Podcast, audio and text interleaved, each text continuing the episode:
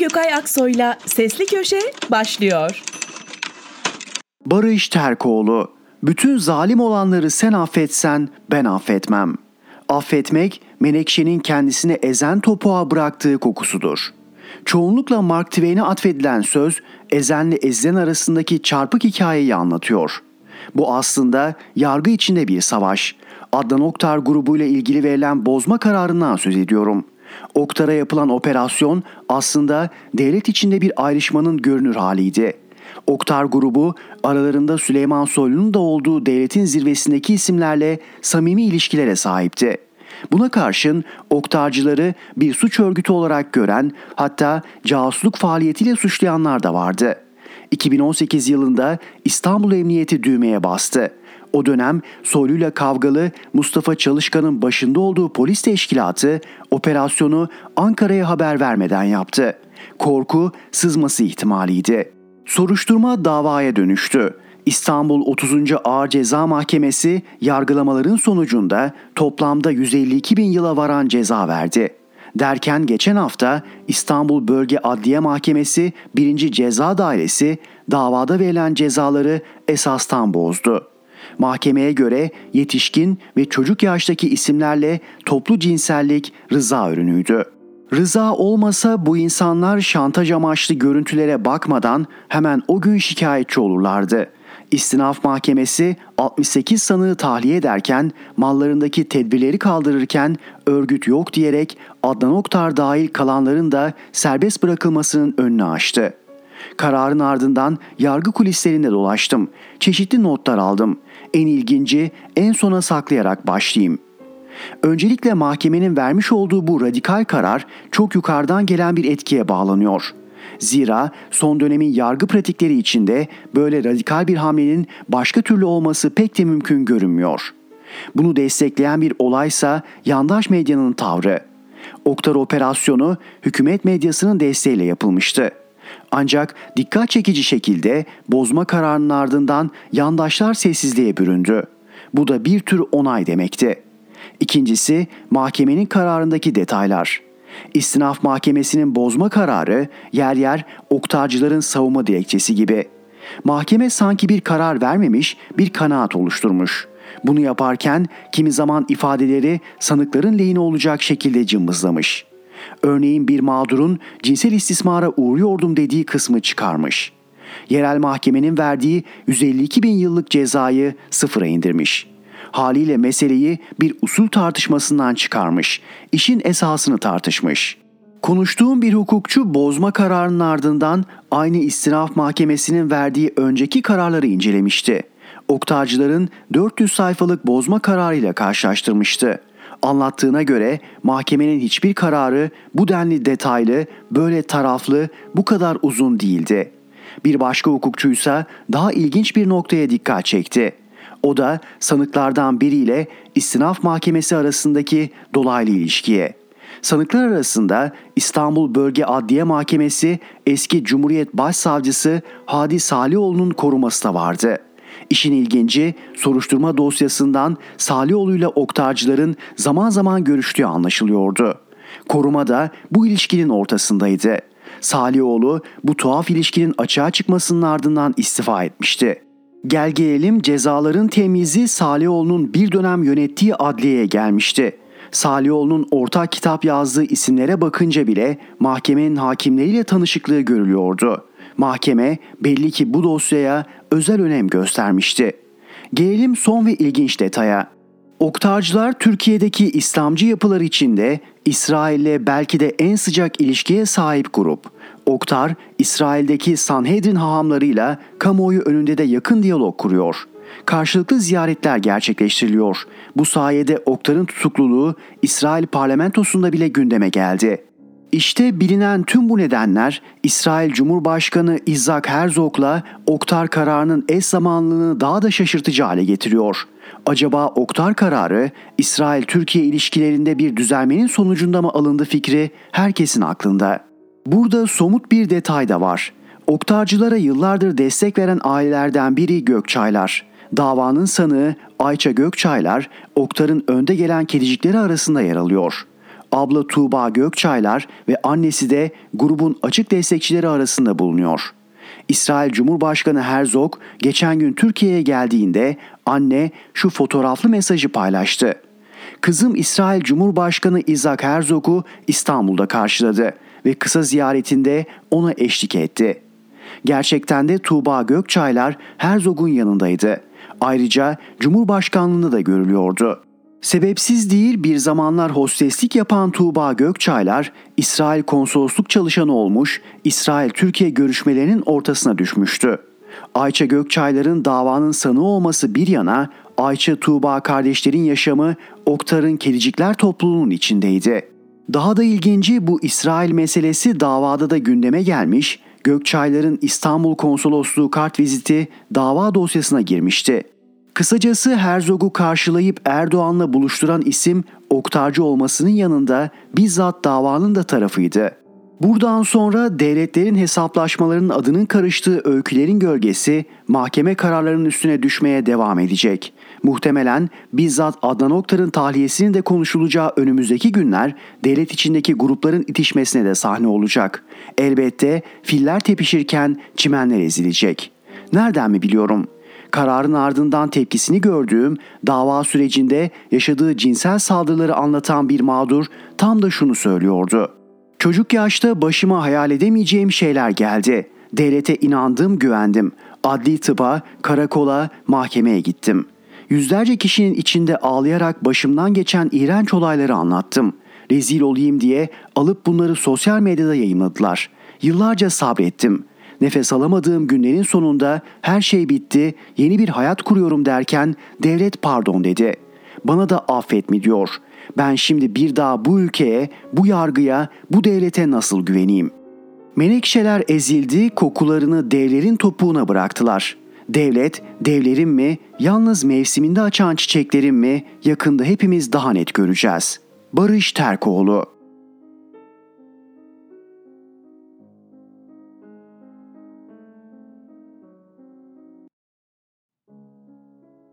Fatih Altaylı Sayılar faşist olabilir mi?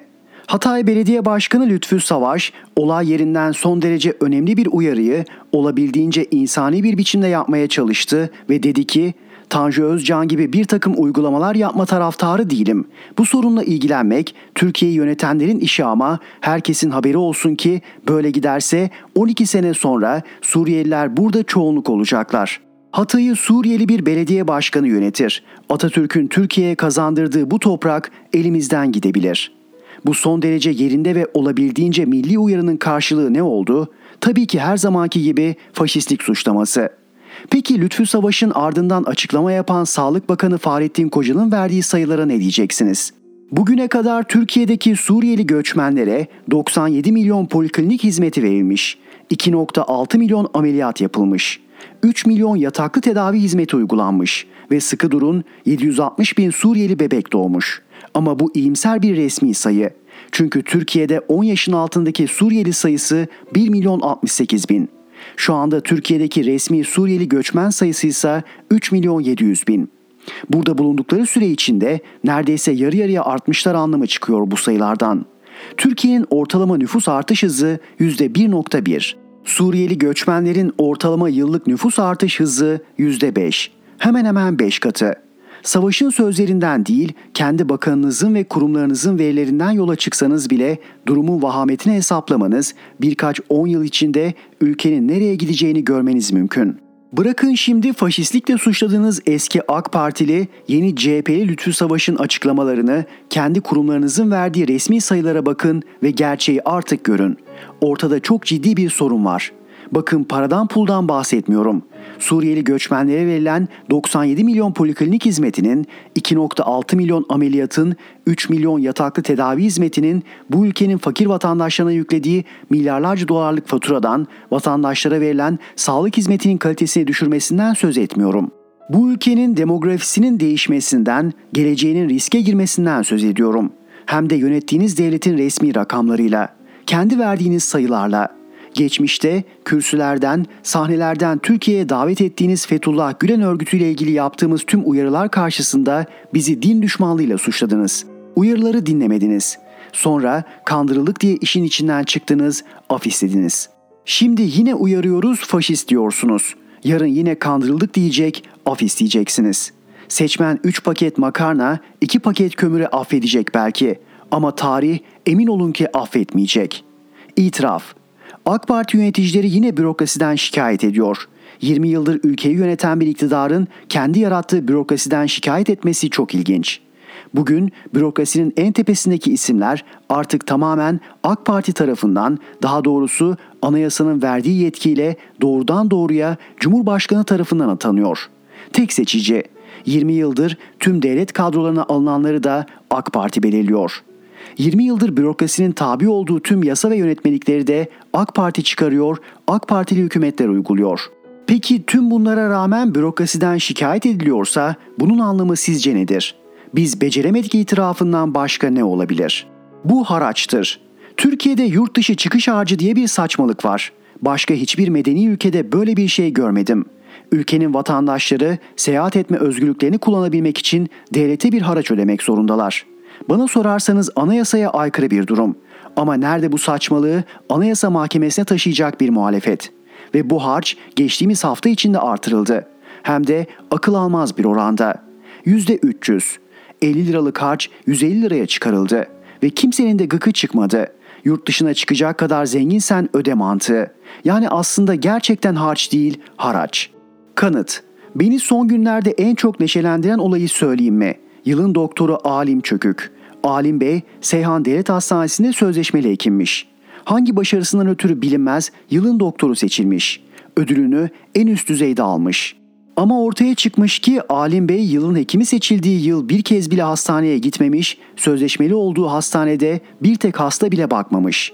Başhekim yardımcısı tarafından açılan kayıtlarla hastanede olmadığı halde hasta bakmış gibi gösterildiği ama acil servis kayıtlarında hastaneye dahi gelmediği ortaya çıkmış. Diyeceksiniz ki buna niye neşelendin? Neşelendim çünkü bir dönemi bundan daha iyi anlatan bir olay olamazdı. Hani hep diyoruz ya, liyakate önem vermediğiniz için bu hale geliyoruz diye. Haklılığımızı daha iyi ne kanıtlayabilirdi? Ha Nevzat ha Gülşen. Yemeksepeti.com'un sahibi Nevzat Aydın'ın Maldivler'de otel kapatarak ve davetlileri özel uçakla Maldivlere götürerek yaptığı düğün hala konuşuluyor gördüğüm kadarıyla. Bu düğüne şu kadar para harcamış, öyle yapmış, böyle etmiş. Önce şunu söyleyeyim, Nevzat Aydın'ı hayatımda bir gün bile görmedim, tanımam. Yemeksepeti.com uygulamasını hayatımda bir kez bile kullanmadım, kullanamadım. Ve kısa keseyim, kime ne?'' Nevzat Aydın'ın parasını nasıl harcayacağına karışmanın Gülşen'in ne giyeceğine karışmaktan ne farkı var? Adamın kendi parası istediği gibi harcar. Nevzat Aydın denen bu zat sıfırdan bir şirket kurmuş mu? Kurmuş. Bu şirketi kimseyi dolandırmadan, onun bunun parasını çalıp çırpmadan büyütmüş mü? Büyütmüş. Ardından bu şirketi bir Alman firmasına 500 milyon dolara satarak bu ülkeye 500 milyon dolar para sokmuş mu? Sokmuş.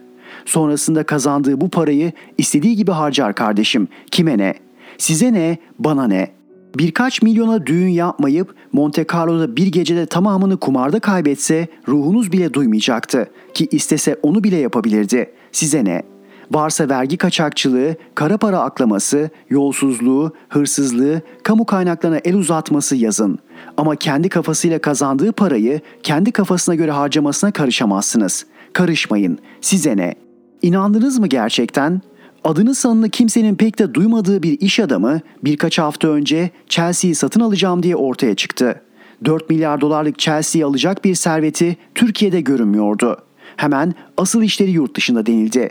Yurt dışındaki işlerinin ne olduğu da asla bilinmedi. Sadece işleri vardı ve sonunda Chelsea'yi almak için pazarlık masasına oturacakların kimler olduğu açıklandı.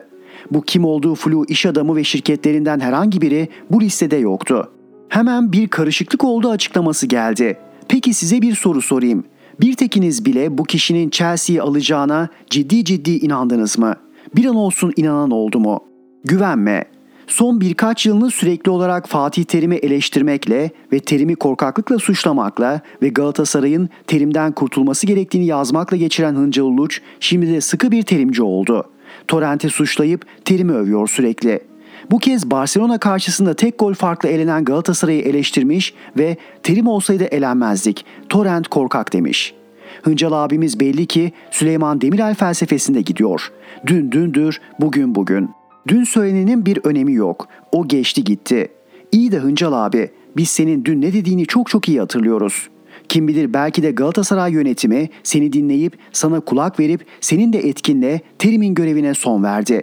Anlaşılan sen beni dinlemeyin ben yazarım. O gün öyle bugün böyle yazarım. Benimle eleştirme güvenin ne de metiyeme diyeceksin de diyemiyorsun. Ne zaman adam oluruz? Devlet ciddiyeti yöneticilerin suratına değil yönetme biçimine yansıdığı zaman. Fatih Altaylı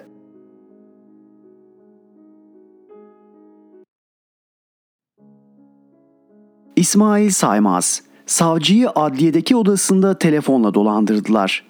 Kendilerini ya polis memuru olarak tanıtıyorlar ya savcı ya da bankanın müşteri temsilcisi. Kimini hesabınızdan FETÖ'ye havale yapılmış diye ürkütüyorlar, kimini vatana hizmet ediyorsunuz diye kandırıyorlar, kimini Barış Pınar parolasıyla ikna ediyorlar. Birkaç saat telefonda tutulan mağdurlar endişe ve telaşla hesabındaki binlerce bazen milyonlarca TL'yi dolandırıcılara gönderiyor. Bazıları ise banka şubesine giderek çektiği parayı eliyle teslim ediyor. Tuzağa kül yutmaz sanılanlar da düşüyor.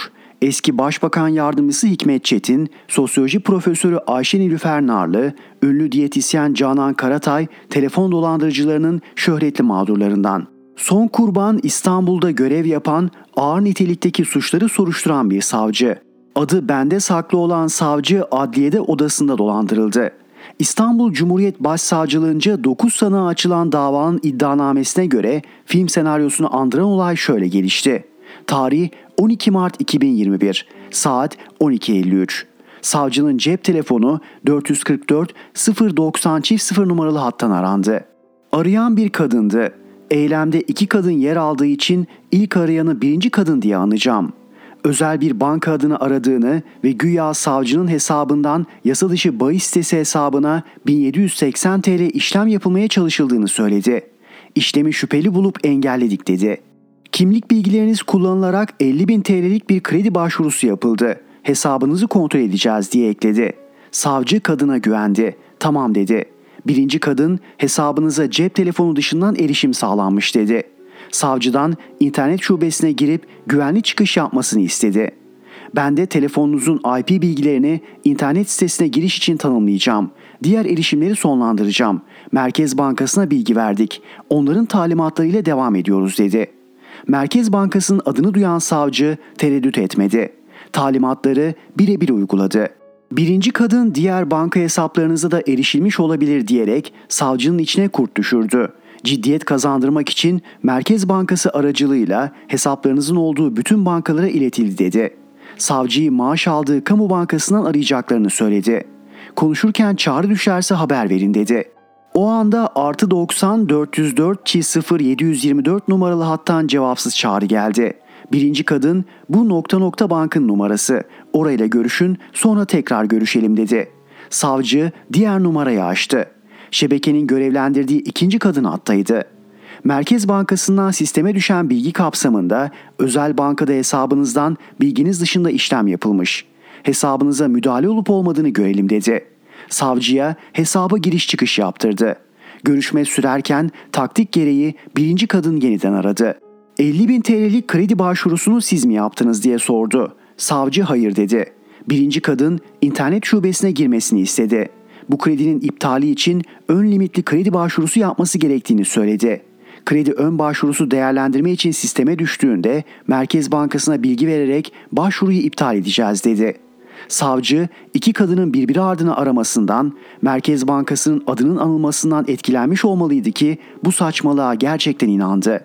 Birinci kadın savcıyı telefonla yönlendirip internet şubesi üzerinden 50 bin TL ihtiyaç kredisi başvurusu yaptırdı. Yine telefon arayan ikinci kadın şöyle dedi. Ön limitli kredi limitleriniz risk altında. Kredi başvurusu yapılacak. Onay vermeniz halinde para Merkez Bankası'nın bildirdiği devlet garantisi altındaki sanal hesaba aktarılacak. İşlem bitince banka hesabınız kapatılarak yeni hesap numarasına bilgiler geri gelecek. Krediler iade edilecek. Kaybınız olmayacak dedi. Savcı 75 bin TL kredi çekti hesabındaki 5000 TL ile birlikte toplamda 80 bin TL'yi sözde devlet garantisi altındaki sanal hesaba yolladı. Oysa bu örgütten YK adına açılan hesaptı. İşlem saati 14.28'di. Dolandırıcılar 2,5 saat sonunda sonuç almayı başarmıştı. Kişisel verilerinin yurt dışındaki hackerlar tarafından ele geçirildiği izlenimi vermek için savcının telefonu görüşme sırasında İspanyol numaralardan arandı. Savcı iyiden iyiye telaşlandı. Bir kadın kapatıyor, diğeri arıyordu. Savcı düşünme fırsatı dahi bulamadı. İkinci kadın sanal ön kredi limitiniz bitmedi dedi ve 75 bin TL daha kredi çektirdi. Sözde para devlet garantisindeki sanal hesaba aktarılacaktı. İnandırıcılık vermek için savcıdan işlem kodlarını not etmesini istedi. Savcı sözde kodları kaydetti. İkinci kadın yeni hesap açıldığında referans kodlarıyla işlemlerin iadesi sağlanacak. Kodları iyi koruyunuz diye uyardı. Saat 15.43'tü. Savcının hesabındaki 76 bin TL ilkin özel bankadaki hesabına havale ettirildi. Sonra özel bankanın eksi limitindeki parayla birlikte toplam 83 bin TL saat 15.58'de CA adına açılan sözde devlet garantili hesaba iletildi. Banka kuşkulanıp işlemi bloke etti. Bu arada ikinci kadın yine aradı. Mesai bitmeden işlemi halletmemiz lazım. Pazartesiye kalmasın dedi. Savcı, kamu bankasından biri 75 bin, öteki 72 bin 500 TL'lik iki kredi daha çekti. Eksi hesabındaki parayı katıp toplamda 144 bin TL'yi AA adına açılan sözde devlet garantili hesaba yolladı. Saat 16.25'ti. Bu görüşme yapılırken savcı özel bankadan arandı. Savcı açmadı. Açsaydı son havaleyi gerçekleştirmeyecekti. Banka görevlisi ısrarcı oldu. Savcı dolandırıcı kadınla görüşmeyi sonlandırarak ikinci aramaya döndü. Erkek görevli hesabınızdan 83 bin TL'lik işlem gerçekleştirilmiş. Bilginiz dahilinde mi diye sordu. Savcı evet diye yanıt verdi. İfade tutanağından. Bankadan arandığımı, hesabıma başka tarayıcıdan erişim sağlandığının söylendiğini, Merkez Bankası garantisindeki hesaba paranın gönderilmesinin istendiğini söyledim. Müşteri temsilcisi böyle bir usul yok, hesabı bloke koyuyoruz dedi. Organize ve profesyonel bir dolandırıcılıkla karşı karşıya kaldığımı anladım.'' Telefonu kapatır kapatmaz adliyenin banka şubesine indim. Personel evet dolandırıcılık dedi. Savcı şikayette bulunup bloke konmasını istese de çok geçti. Saat 16.55 itibariyle para çekilmişti. Zarar 230 bin TL. 4 saat sonunda savcı bankadan 4 kez kredi çekti. Toplam 224 bin TL'lik parayı şebeke hesabına yolladı. Kredi masrafıyla birlikte zarar 230 bini geçiyor. Dayının şebekesi Şüpheli MD'ye göre şebekenin tepesinde dayı veya kral kod adlı kişi bulunuyor. Bu kişinin MSY olduğu ileri sürülüyor. Şebekenin merkezi Yeni Bosna'da. Çağrı merkezi yoluyla iletişim kurularak dolandırıcılık yapılıyor. Dayı banka hesapları buluyor, hesaba gelen paranın %60'ını alıyor. Dayının altında Zaza var. Zaza'ya bağlı çalışan MY ve AY kardeşler hesapları topluyor. Çağrı merkezindekiler hesaplara para yönlendiriyor. MY ve AY dolandırıcılıkta kullanılan hesap sahipleri aracılığıyla paraları çekiyor. Hesap sahiplerine %15 komisyon veriyorlar. Kendileri %15-20 alıyor. Kalanı dayıya. Miktar 5-10 bin TL ise referans koduyla 50 bin 100 bin kadarsa elden teslim ediliyor. Referans kodu kullanıldığında TC kimlik numarası ve adres girilmediği için gönderici ve alıcı tespit edilemiyor. Örgüt üyeleri deşifre olmamak için açık hat veya patates hat diye bilinen yabancıların ya da Suriyelilerin adına kayıtlı hatları kullanıyor. Teknik takipten kurtulmak için WhatsApp, Telegram ve Bip gibi sohbet programlarıyla konuşuluyor. Örgüt liderleri ve saha elemanlarının kod adları var. Kurumsal şirketler 0850'li ve 444'lü hatları kullandığı için yasa dışı çağrı merkezleri kuruluyor. Mağdurların telefonu başına artı 90 eklenip müşteri hizmetleri numarasına benzetilerek aranıyor. Ya da müşteri hizmetleri numaralarının başına artı 99, artı 9, artı 506, artı 90 gibi rakamlar VoIP yazılımlarıyla ekleniyor. 444 ve 0850 hatlardan aramış gibi göstermek için bilgisayar ve telefonda kullanmak üzere Skype, X-Lite, X-VoIP gibi programlar kuruluyor. İsmail Saymaz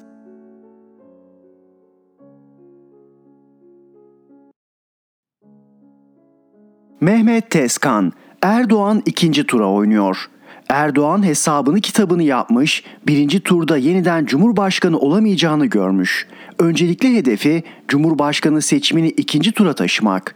Millet İttifakı adayının büyük olasılıkla Kılıçdaroğlu ilk turda seçilmesini yani %50 artı biri bulmasını engellemek. Hissediyorum zihninden geçen şu. Meclis çoğunluğunu alarak ikinci tura eli güçlü girmek. Seçim yasasındaki değişikliğin başka izahı var mı? Dikkatinizi çekerim seçimden sonra yapılan koalisyonlar kötüdür ama seçimden önce yapılan ittifaklar iyidir diye pazarladığı sistemden şimdi kendi vazgeçiyor. Ne adına? Daha adil düzen adına. Daha demokratik seçim adına. Daha demokratik yapının inşası adına. İttifak iyiydi de neden vazgeçiyorsunuz sorusuna hiçbir AKP'li tatmin edici yanıt veremez. Çünkü kurdukları ittifak düzeni felaketleri oldu. Altı parti ittifak çatısı altında birleşti. Onları birleşmeye AKP zorladı. Aslında ittifak anlayışı muhalefete kurulmuş tuzaktı. 2018 yılındaki hesapları şöyleydi. Muhalefet bir araya gelip aynı çatı altında toplanamaz. AKP-MHP ikilisi uzun yıllar ittifak yaparak iktidarda kalır. Seçmen alternatif bulamadığı için mecbur oy verir. Merkez sağ seçmeni kapattıklarını düşündüler. Bekledikleri olmadı. İttifak sisteminden vazgeçmelerinin sebebi bu. Tabii yine demokrasi adına. İttifak modelini de demokrasi adına getirmişlerdi. Şimdi demokrasi adına kaldırmaya çalışıyorlar. Görünen köy kılavuz istemez derler ya. Siyasetin akışı da böyle. Artık kılavuz istemiyor. Erdoğan milletvekili seçimine yükleniyor. Mecliste AKP-MHP koalisyonunun öyle ya artık ittifak yok, çoğunluğu sağlayacağı yapıyla Cumhurbaşkanlığı için ikinci tur seçimine girmek istiyor. Parti teşkilatlarıyla eski yeni milletvekilleriyle sürekli toplantı yapmasının sebebi bu. Meclis çoğunluğunu almak, 301 vekili bulmak. Bu şartlar gerçekleşirse, umduğunu bulursa ikinci turda yapacağı propaganda belli. Kılıçdaroğlu seçilirse kaos olur. Cumhurbaşkanı ile meclis zıtlaşması siyasi kriz yaratır, ekonomi bir daha toparlanamaz sürece girer sözlerle korku yaratmak. Kendi de farkında bir daha Cumhurbaşkanı seçilme şansı yok. Türkiye Büyük Millet Meclisi'nde çoğunluğu alırlarsa ancak o da bir ihtimal. Yapmak istedikleri yasa değişikliğiyle artık şu netleşti. Erdoğan ilk turda seçimi kazanamayacağını, AKP-MHP koalisyonunun da meclis çoğunluğunu alamayacağını görüyor. Oyununu buna göre kurguluyor. Seçim yasası değişikliğinin sebebi bu. Kaybetmeyi görmenin telaşı. Mehmet Tezkan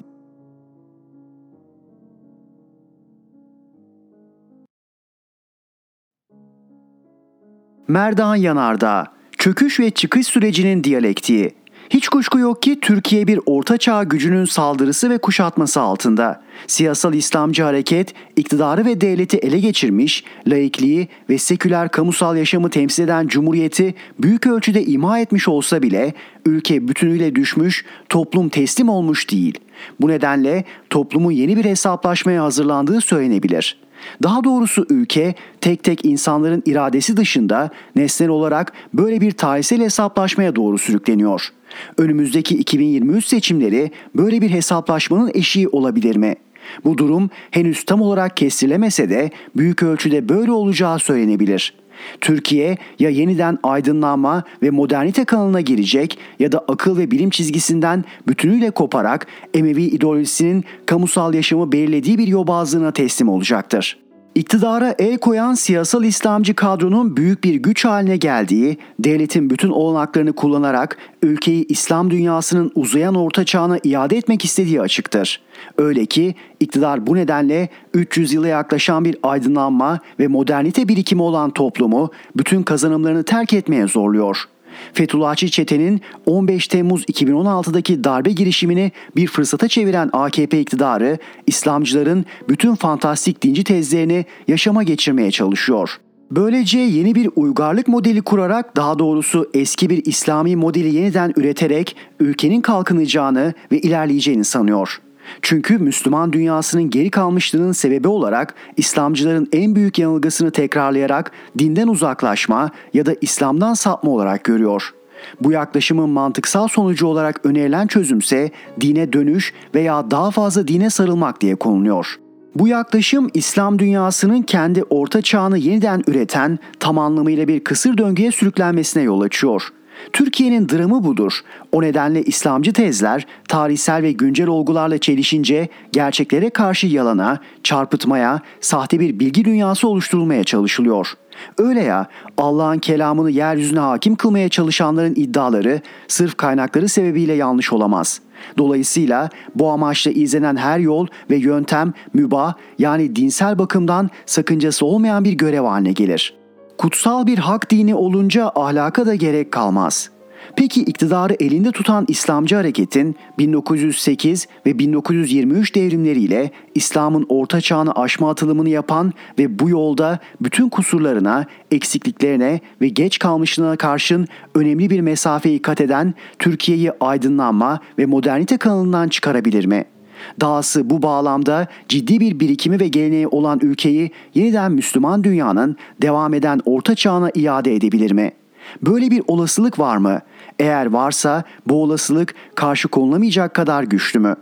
Bu sorulardan ilk ikisine evet, üçüncüsüne ise temkinli bir hayır yanıtı verilebilir. Çünkü toplumların yaşamı her zaman determinist bir seyir izlemez. Kimi tarihsel dönemeçlerde de volontarist etkenler belirleyici olur.'' Bu yanıtların ne anlama geldiğini yazının sonuç bölümüne doğru açacağım. Ama önce söz konusu İslamcı iddiayı biraz daha irdeleyelim. Daha önce Bir Gün gazetesindeki kimi yazılarımda da üzerinde durduğum bu konuyu aşağıda bir kez daha ele alarak derinleştirmeye çalışalım. İslamcı tezlerin esasını oluşturan varsayıma göre Türkiye'yi tarihsel ve kültürel bakımdan belirleyen temel etken İslam medeniyetidir.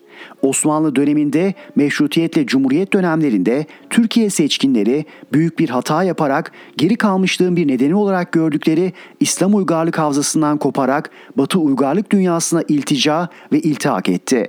Oysa geri kalmışlığın nedeni İslam'dan uzaklaşmaktı. Ancak toplum yerinde kaldı. Dolayısıyla devleti elinde tutan elitlerle millet arasında bir uçurum oluştu. Bu uçurum on yıllarca süren bir kültürel çatışmaya ve yabancılaşmaya yol açtı. Bu anlamda devletle millet arasında 100 yıldır devam eden bir kavga vardı. Biz yani İslamcılar bu kavgaya son vererek tarihi yeniden olağan seyrine kavuşturacağız. Temel tez böyle olunca İslamcılar için hedef elbette devletle milleti barıştırmak şeklinde belirleniyordu. Dolayısıyla bu çelişkinin çözümü olarak da Cumhuriyeti İslami ilkelere yaklaştırmak ya da bu ilkelere dayalı olarak yeniden yapılandırmak gerekiyordu.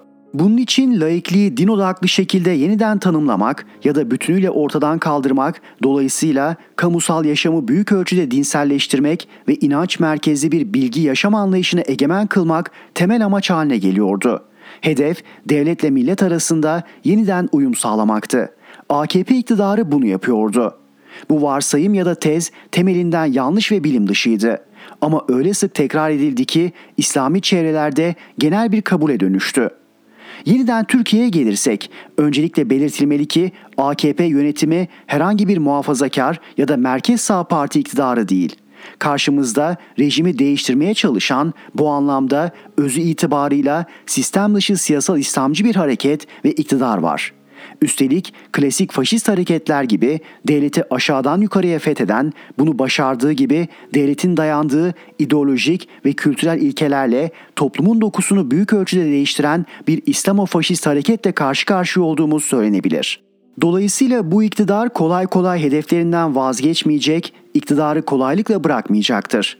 Bu anlamda çatışmalı ve sancılı bir döneme girildiği açıktır.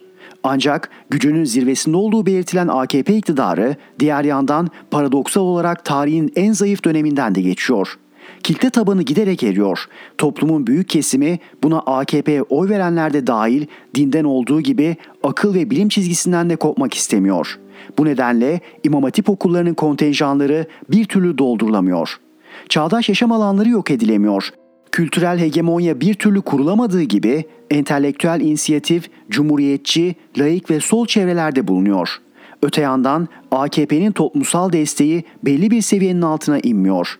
%30 bandı diyebileceğimiz bu seviye Cumhuriyet tarihinin en yüksek oranına işaret ediyor. İşte bu durum İslamcı hareketin toplumsal dokuyu tahminlerin ötesine dönüştürdüğünü, insanların ekonomik ve sınıfsal taleplerinden çok ya da bunlarla birlikte ideolojik ve kültürel bir zeminde saflaştıklarını ortaya koyuyor.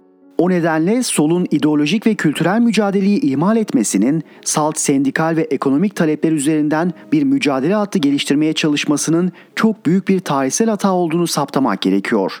Öyle ki laikliğin savunulmasının bile soldaki liberal bozulmanın da etkisiyle ortada kaldığı düşünülürse eğer bu mevzi kayıplarının nedeni ve karşı devrimci kazanımların gerekçesi daha iyi anlaşılabilir. Eğitim sektöründe örgütlü olan sol eğilimli sendikaların uzunca bir süre ideolojik mücadeleyi, laikliğin savunulmasını ihmal ettiklerini, bu nedenle bölündüklerini ve güç kaybederek sektördeki inisiyatifi iktidar yanlısı memur sendikalarına kaptırdıklarını 2000'li yılların acı bir deneyimi olarak biliyoruz.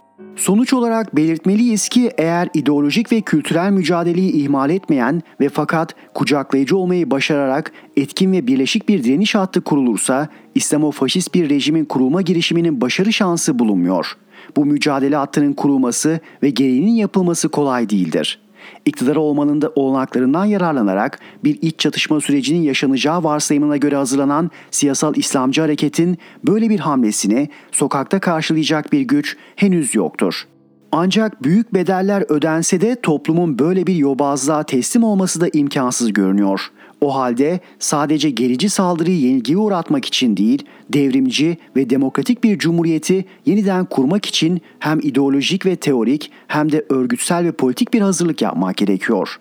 Merdan Yanardağ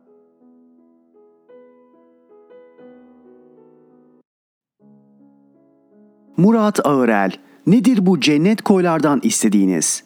Fethiye, Göcek, Dalaman, Bodrum bölgelerinden ne isteniyor anlayamıyorum bir türlü. Neden kamu yararı gözetilen proje kararları, kamu ve kamu yararını gözeten sivil toplum kuruluşlarıyla birlikte planlanmaz? Neden ben yaptım oldu, ben böyle istiyorum mantığıyla hareket ediliyor? Bölge sakinleri devamlı platformlar kurarak haklarını korumaya ve seslerini duyurmaya çalışıyor. Yine bir sorunla karşı karşıyayız. Fethiye, Dalaman ve Göcek'te doğa harikası koyları biliyorsunuz. Bu koylara özellikle özel yatlar ve tur tekneleri ilgi gösteriyor. Koylara yaz boyunca binlerce tekne giriyor çıkıyor. Teknelerin koylarda yarattığı bir doğa tahribatı var. Mapa denilen bağlantı noktaları yoksa ağaçlara zarar verecek şekilde tekneler bağlanıyor ve yoğunluk sebebiyle tekne atıkları koylardaki biyoçeşitliliği bozuyor. Şöyle anlatayım. Fethiye, Göcek ve Dalaman koylarında bulunan yat limanı, marina ve yat bağlama iskeleleri haricinde teknelerin parklanma ihtiyaçlarının karşılanabilmesi ve teknelerin karaya sabitlenebilmesi amacıyla deniz kıyılarında birçok mapa alanı tanımlanmış ve bağlama noktaları oluşturulmuştu. Bahsedilen mapaların oluşturulmasının temel amacı koylarda demir atan teknelerin kıyılardaki ağaçlara bağlanmasının önüne geçilerek ağaçların devrilme ve tahribatlarının önlenmesiydi. Özellikle Göcek koylarında yoğunlaşan tekne parklanmalarında oluşan sorunların çözümlenmesi amacıyla Göcek koyları yönetim planı oluşturulmuş, plan uyarınca mapa noktalarında veya diğer noktalarda her teknenin en fazla 3 gün demir atabileceği hükmü belirlenmişti. Belirlenen mapa noktalarına tüm tekneler ücretsiz olarak bağlanabilmekteydi. İdi diyorum artık ücretsiz olmayacak, özel şirket işletecek.'' Fethiye ve Göcek sakinleri de bu konuya dikkat çeken bir bildiri hazırlamış. İddia şu, yeni yapılacak mapa ve şamandıra ihalesiyle birlikte koylar zenginlere verilecek ve tüm koylar deniz turizmine, deniz emekçilerine ve göre çocuklarına kapatılacak. Devlet halkın malına el koyup milyonlarca liraya buraları satacak. Üstüne üstlük yıllar içerisinde oluşacak bir çevre felaketi de söz konusu. Hazırlanan bildiride Çevre ve Şehircilik Bakanlığı'nın buralardaki koylarda hazırladığı mapa ve bağlantı noktalarının sayısının olması gerekenden çok fazla olduğuna dikkat çekiliyor. Üstelik inşaatlar imar planlarına da aykırı. Haliyle bölge insanı da seslerini duyurmaya çalışıyor. Diyorlar ki sadece koy meselesi gibi görünen bir sorun ileride bu cennet yerleri yok edebilir. Özellikle bildiride şu ifadeler önemli. Pandemi döneminde yoğunluğu daha da artan kontrolsüz kullanımlar sebebiyle su kalitesinin bozulmaması, denizaltı biyoçeşitliliğin azalmaması, en büyük karbon yutak alanlarından olan ve oksijen besin kaynağı olması sebebiyle denizlerin ormanları olarak tanımlanan deniz çayırlarının zarar görmemesi amacıyla bakanlık tarafından yeni düzenleme getirilerek ihale edilen ve edilecek olan MAPA ve Şamandıra sistemlerinin iyileştirilmesi ve mevcut kapasitesinin korunması gerekirken ilave olarak yaklaşık 400 tekne bağlama kapasiteli MAPA, tonoz ve şamandıraların inşa edilmesi deniz dibinde tahribata yol açacak ve koylardaki kirletici kaynakların artmasıyla birlikte ekosistem üzerinde biyolojik yükün fazlaca artmasına ve sonuç olarak flora ve fauna sistemlerinde bozulmalara sebep olacaktır. Bu iddiaları MAPA ve Şamandıra inşaatı verilen işletme ihalelerini araştırdım. Toplamda 6 etapta tamamlanacak olan ihalelerin ilki 7 Mart 2022 tarihinde ilan edilmiş ve 15 Mart 2022 tarihinde Çevre, Şehircilik ve İklim Değişikliği Bakanlığı, Tabiat Varlıklarını Koruma Genel Müdürlüğü tarafından pazarlık usulüyle gerçekleştirilmiş. İhale 4734 sayılı ihale kanununa göre değil 2886 sayılı Devlet İhale Kanunu'nun 51 Taksim G maddesine göre gerçekleştirilmiş. 7 Mart'ta ilan edilip 15 Mart'ta ihale edilmesini gerektirecek aciliyet nedir bilinmez. İhaleye katılanlar bölgenin neresi olduğu hakkında kısa sürede nasıl bilgi sahibi oldular, nasıl fizibilite ve maliyet çalışması yaptılar, nasıl dosya hazırladılar şaşılacak bir durum. İhalenin muammen bedeli 1,5 milyon TL olarak belirlenmiş. İhaleyi yapılan pazarlıklar neticesinde 12 milyon 500 bin TL bedelle Bölünmez Madencilik adlı bir firma kazanmış. Firma sahibi Süleyman Bölünmez. Konu hakkında bakan yardımcısına ulaştım. Konuyla ilgili soruları sordum. Araştırıp bilgi vereceklerini ilettiler. Yazı yayına girene kadar elime bir bilgi gelmedi. Gelirse aktarırım. İhaleyi alan firma sahibine de ulaştım. Firma sahibi daha önce Mardin'den bağımsız milletvekili olmuş, ardından AKP Mardin milletvekili adayı olmuş. Kızı şu anda AKP milletvekili olarak görev yapıyor. Sayın Süleyman Bölünmez'e bu ihaleyi ve itirazları, imar planlarına aykırılıklarla ilgili iddiaları sordum cevapladı. Cuma günü ihale olduğunu öğrenip pazartesi günü 12 milyonluk ihaleye katılmasına ilişkin Süleyman Bölünmez bir arkadaşının haber vermesiyle ihaleye girdiğini belirtti. İhaleye Muçev gibi 20'den fazla firmanın katıldığını, pazarlık usulüyle en fazla teklifi kendisinin verdiğini söyledi. MAPA inşaatının ve çevrecilerin iddia ettiği 400 tane fazladan MAPA yapımının çevreye zarar verip vermeyeceği ile ilgili ise bölünmez. Oraya tekneler sürekli devamlı gidip demir atıyor. Böylelikle denizin dibini tarıyorlar. Aslında geç kalınmış bir karar. Kendimizin teknesi olduğu için kendimiz de katalım. Bedavacı zenginler 15-20 gün gidiyor oraya. Kalıyorlar, hiç kimseye bir faydası yok.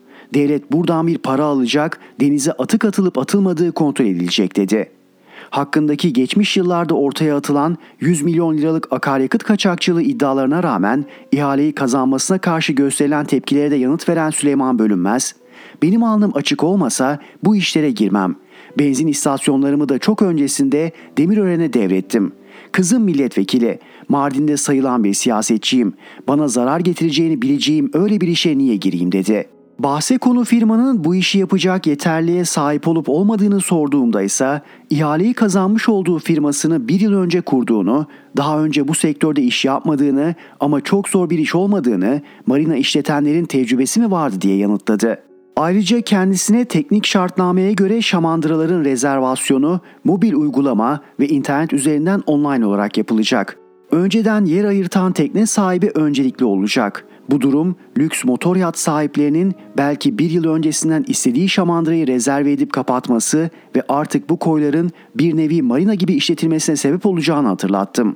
Çünkü doğal olarak sadece ticari tekneler değil, amatör denizciler için de kendi tekneleriyle yanaşacak koy bulmak imkansız hale gelecek diye endişelerin olduğunu ilettim.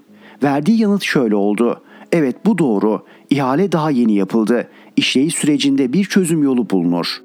Sonuç olarak tüm taraflara sorarak savunmaları aktardım. Tüm süreci takip edeceğim. İhale ve planlar yargıya taşındı bile. Ne olacağını ben de merak ediyorum. Ancak güzelim koyları halkın kullanımına fiili olarak kapatmak kabul edilemez. Murat Ağırel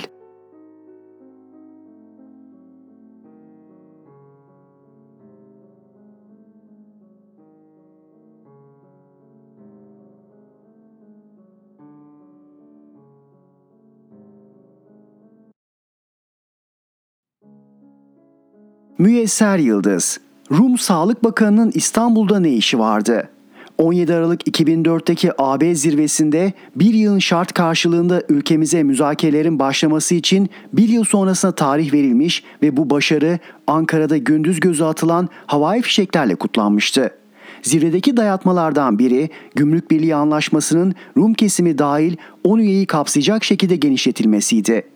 Buna ilişkin ek protokol imzalandı ancak daha sonra Ankara bunun Rum kesimini tanıma anlamına gelmediği yönünde bir deklarasyon yayımladı. Yine de söz konusu protokol o günden bu yana Türkiye Büyük Millet Meclisi onayına sunulmazken sunulamazken AB her fırsatta Rum kesimini tanımamız, deniz ve havalimanlarını açmamız için baskıyı sürdürüyor. Özetle hali hazırda Rum kesimini tanımıyoruz ve diplomatik ilişkimiz yok. Haliyle Rum yöneticilerle de sadece uluslararası toplantılarda görüşülüyor veya Rumlar ancak böyle bir toplantı vesilesiyle ülkemize geliyor. Örneğin Rum lider Nikos Anastasiadis, Mayıs 2016'da BM Dünya İnsani Yardım Zirvesi'ne katılmak için İstanbul'a geldi.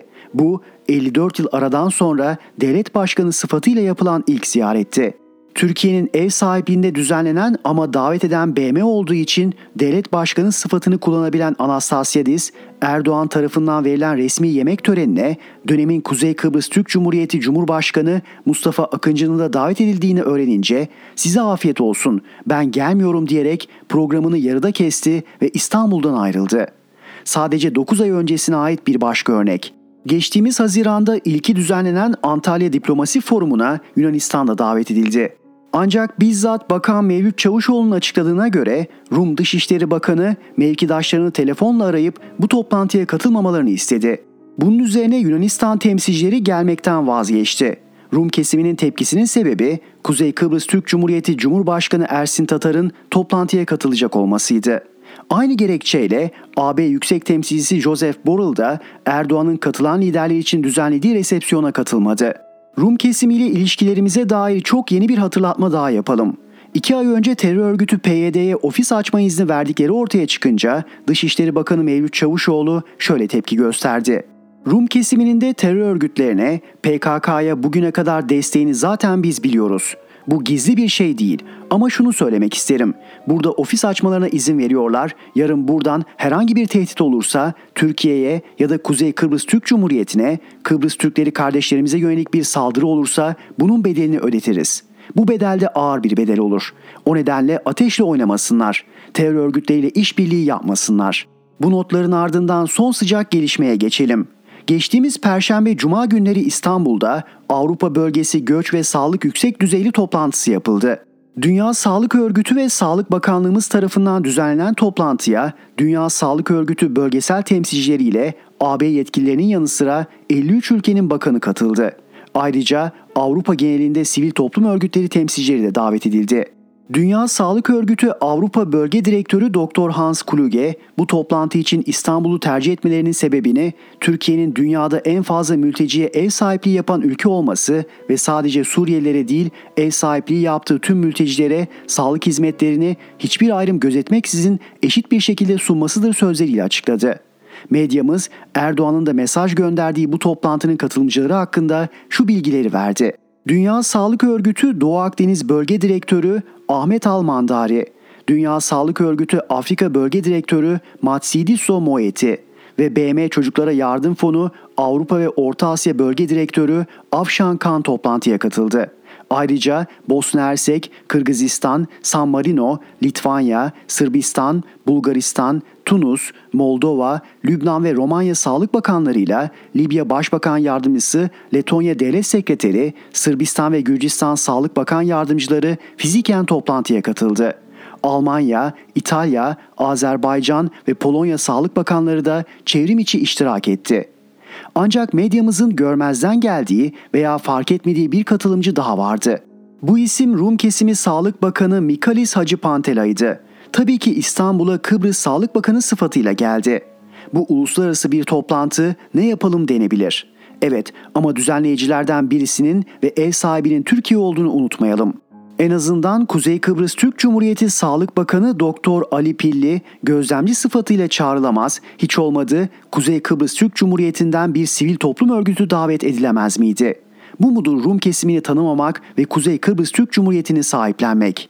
Rum Sağlık Bakanı'nın İstanbul programına ilişkin bir diğer önemli ayrıntı ise şu. Cuma günü öğleden sonra Fener Rum Patriği Bartolomeos'u ziyaret etti ve bu da ekümenik patrikliği ziyaret olarak duyuruldu. Hacı Pandela ve Ekümenik Patrik Bartolomeos'un samimi bir ortamda güncel konuları ele aldığı, ayrıca Bartolomeos'un Kıbrıs Kilisesi'ne sıcak kardeşlik dileklerini iletip büyük adının dindar insanlarını kutsadığı bildirildi. Ülkenin adeta yol geçen anına dönmüş olması bir yana, böylesi gelişmeler küçük görünse de diplomaside uzun vadede bir şeylerin temelinin atılması anlamında önemli adımlardır. Bugünden yarına olmasa bile Birleşik Arap Emirlikleri, İsrail, Ermenistan gibi Türkiye ve Kuzey Kıbrıs Türk Cumhuriyeti karşıtı tezlerinden vazgeçmediği halde Rum kesimiyle de ilişkilerin normalleştirilmesine şaşırmayalım. Çünkü ABD, AB ve NATO'nun değişmez taleplerinden birisi de bu. Müyesser Yıldız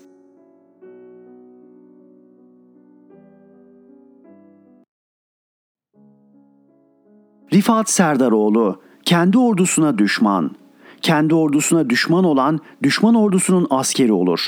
Kendi ordusuna düşman olanlar genelde siyasi ümmetçiler içinden çıkar. Yakın tarihimizde bu hainlerden bolca gördük. Asteğmen Kubilay'ın kafasını kör bağ bıçağıyla kesen Derviş Mehmet. Manisa valisi Hüsnü Bey Yunan ordusunu karşıladı. 3 yıl Yunan'la birlikte Manisalılara zulmetti. Yunan ordusuyla beraber kaçtı ve Hüsnü Yadis adını aldı. İngiliz casusu İngiliz uçaklarından Kurtuluş Savaşımız aleyhine bildiri attıran hain İskilipli Atıf, Atatürk'ün katli vaciptir diye fetva veren vatan haini Şeyhülislam Mustafa Sabri. Bu hainlerin çocukları, torunları Türkiye'de milletvekili, bakan, başbakan yardımcısı oldular ve tıynetlerinin gereğini yaparak ihanete devam ettiler.'' Kimi başbakanlıkta Şeyh Said'in torunu törenle ağırladı, kimi parti kurdu ve kim kusmaya devam etti kendi genel başkan yardımcısı askeri casusluk iddiasıyla tutuklanınca kendisine sonuna kadar destek veririm. Çünkü masumiyet karinesi var diyen genel başkan, kumpas sebebiyle suçsuz oldukları halde zindana atılan fakat yıllar sonra beraat eden komutanlara hala utanmadan hakarete devam etti. Bunlar hastalıklı kafalardır. Bunlara göre sümüklü, ağlak, CIA elemanı bir imam müsveddesinin Türkiye hakkında konuşmaya, fikir beyan etmeye, çete kurmaya hakkı vardır. Ama kurma eğitimi almış iki lisan bilen, milletinin haklarını uluslararası platformlarda savunmuş bir generalin konuşması kabul edilemez. Niçin? General emekli bile olsa konuşursa ve doğruları söylerse o zaman askeri vesayet olur.'' Türkiye Cumhuriyeti Anayasası 136. maddesi emrince Diyanet, laiklik ilkesi doğrultusunda bütün siyasi görüş ve düşüncelerin dışında kalarak ve milletçe dayanışma ve bütünleşmeyi amaç edinerek görev yapmalıdır maaşını Türk milletinden alan Diyanet İşleri Başkanı, İslam Anayasası, resmi dili Arapça, başkenti İstanbul olan şeriat hükümlerine uygun bir anayasa çalışmasına destek vererek anayasa ihlal suçu işleyecek ve bu ülkenin Cumhuriyet savcıları korkularından görmezden gelecek.'' Bu terbiyesiz ve saygısız kişi başında bulunduğu diyaneti kuran ve bizlere bir vatan armağan eden kurucu önderimiz Atatürk'ün aziz ruhu için bir Fatiha'yı çok görecek hem de 18 Mart günü. Atatürk'ün bu kişinin ağzından çıkacak bir duaya elbette ihtiyacı yoktur. Türk milleti zaten her gün milyonlarca kez atasının ruhuna Fatiha okuyor, şükranlarını gönderiyor. Diyanet Kurumu'nun başında bulunan süslü kişi o makamda olduğu sürece ya Atatürk'e hürmet edecek ya da istifa edip gidecek. Balta ağaca her vurduğunda ağaç ağlarmış. Yandaki ağaç sormuş. Niye ağlarsın? Nasılsa hepimizi kesmeyecekler mi? Ağaç yanıt vermiş. Beni kesenin sapı benden de ondan alırım. Milli Savunma Bakanı Hulusi Akar, Atatürk'e hakaret eden Yobaz'ı ziyaret edince yazdığım yazıda Atatürk'ün giydiği üniformayı giyip ona küfreden adamın yanına gidemezsin. Üstündeki üniformayı belediye zabıtası üniforması mı sandın demiştim.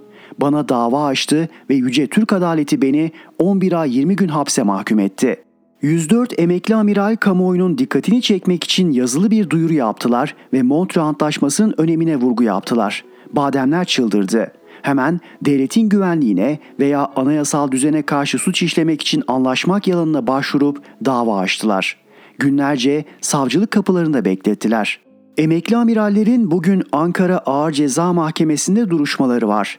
İlginç olan Milli Savunma Bakanı da emrinde çalıştığı emekli komutanlarından şikayetçi olup cezalandırılmalarını istemiş. Hem de en ağırından. Balta ve ağaç hikayesinde olduğu gibi. Herkes kendine yakışanı yapar.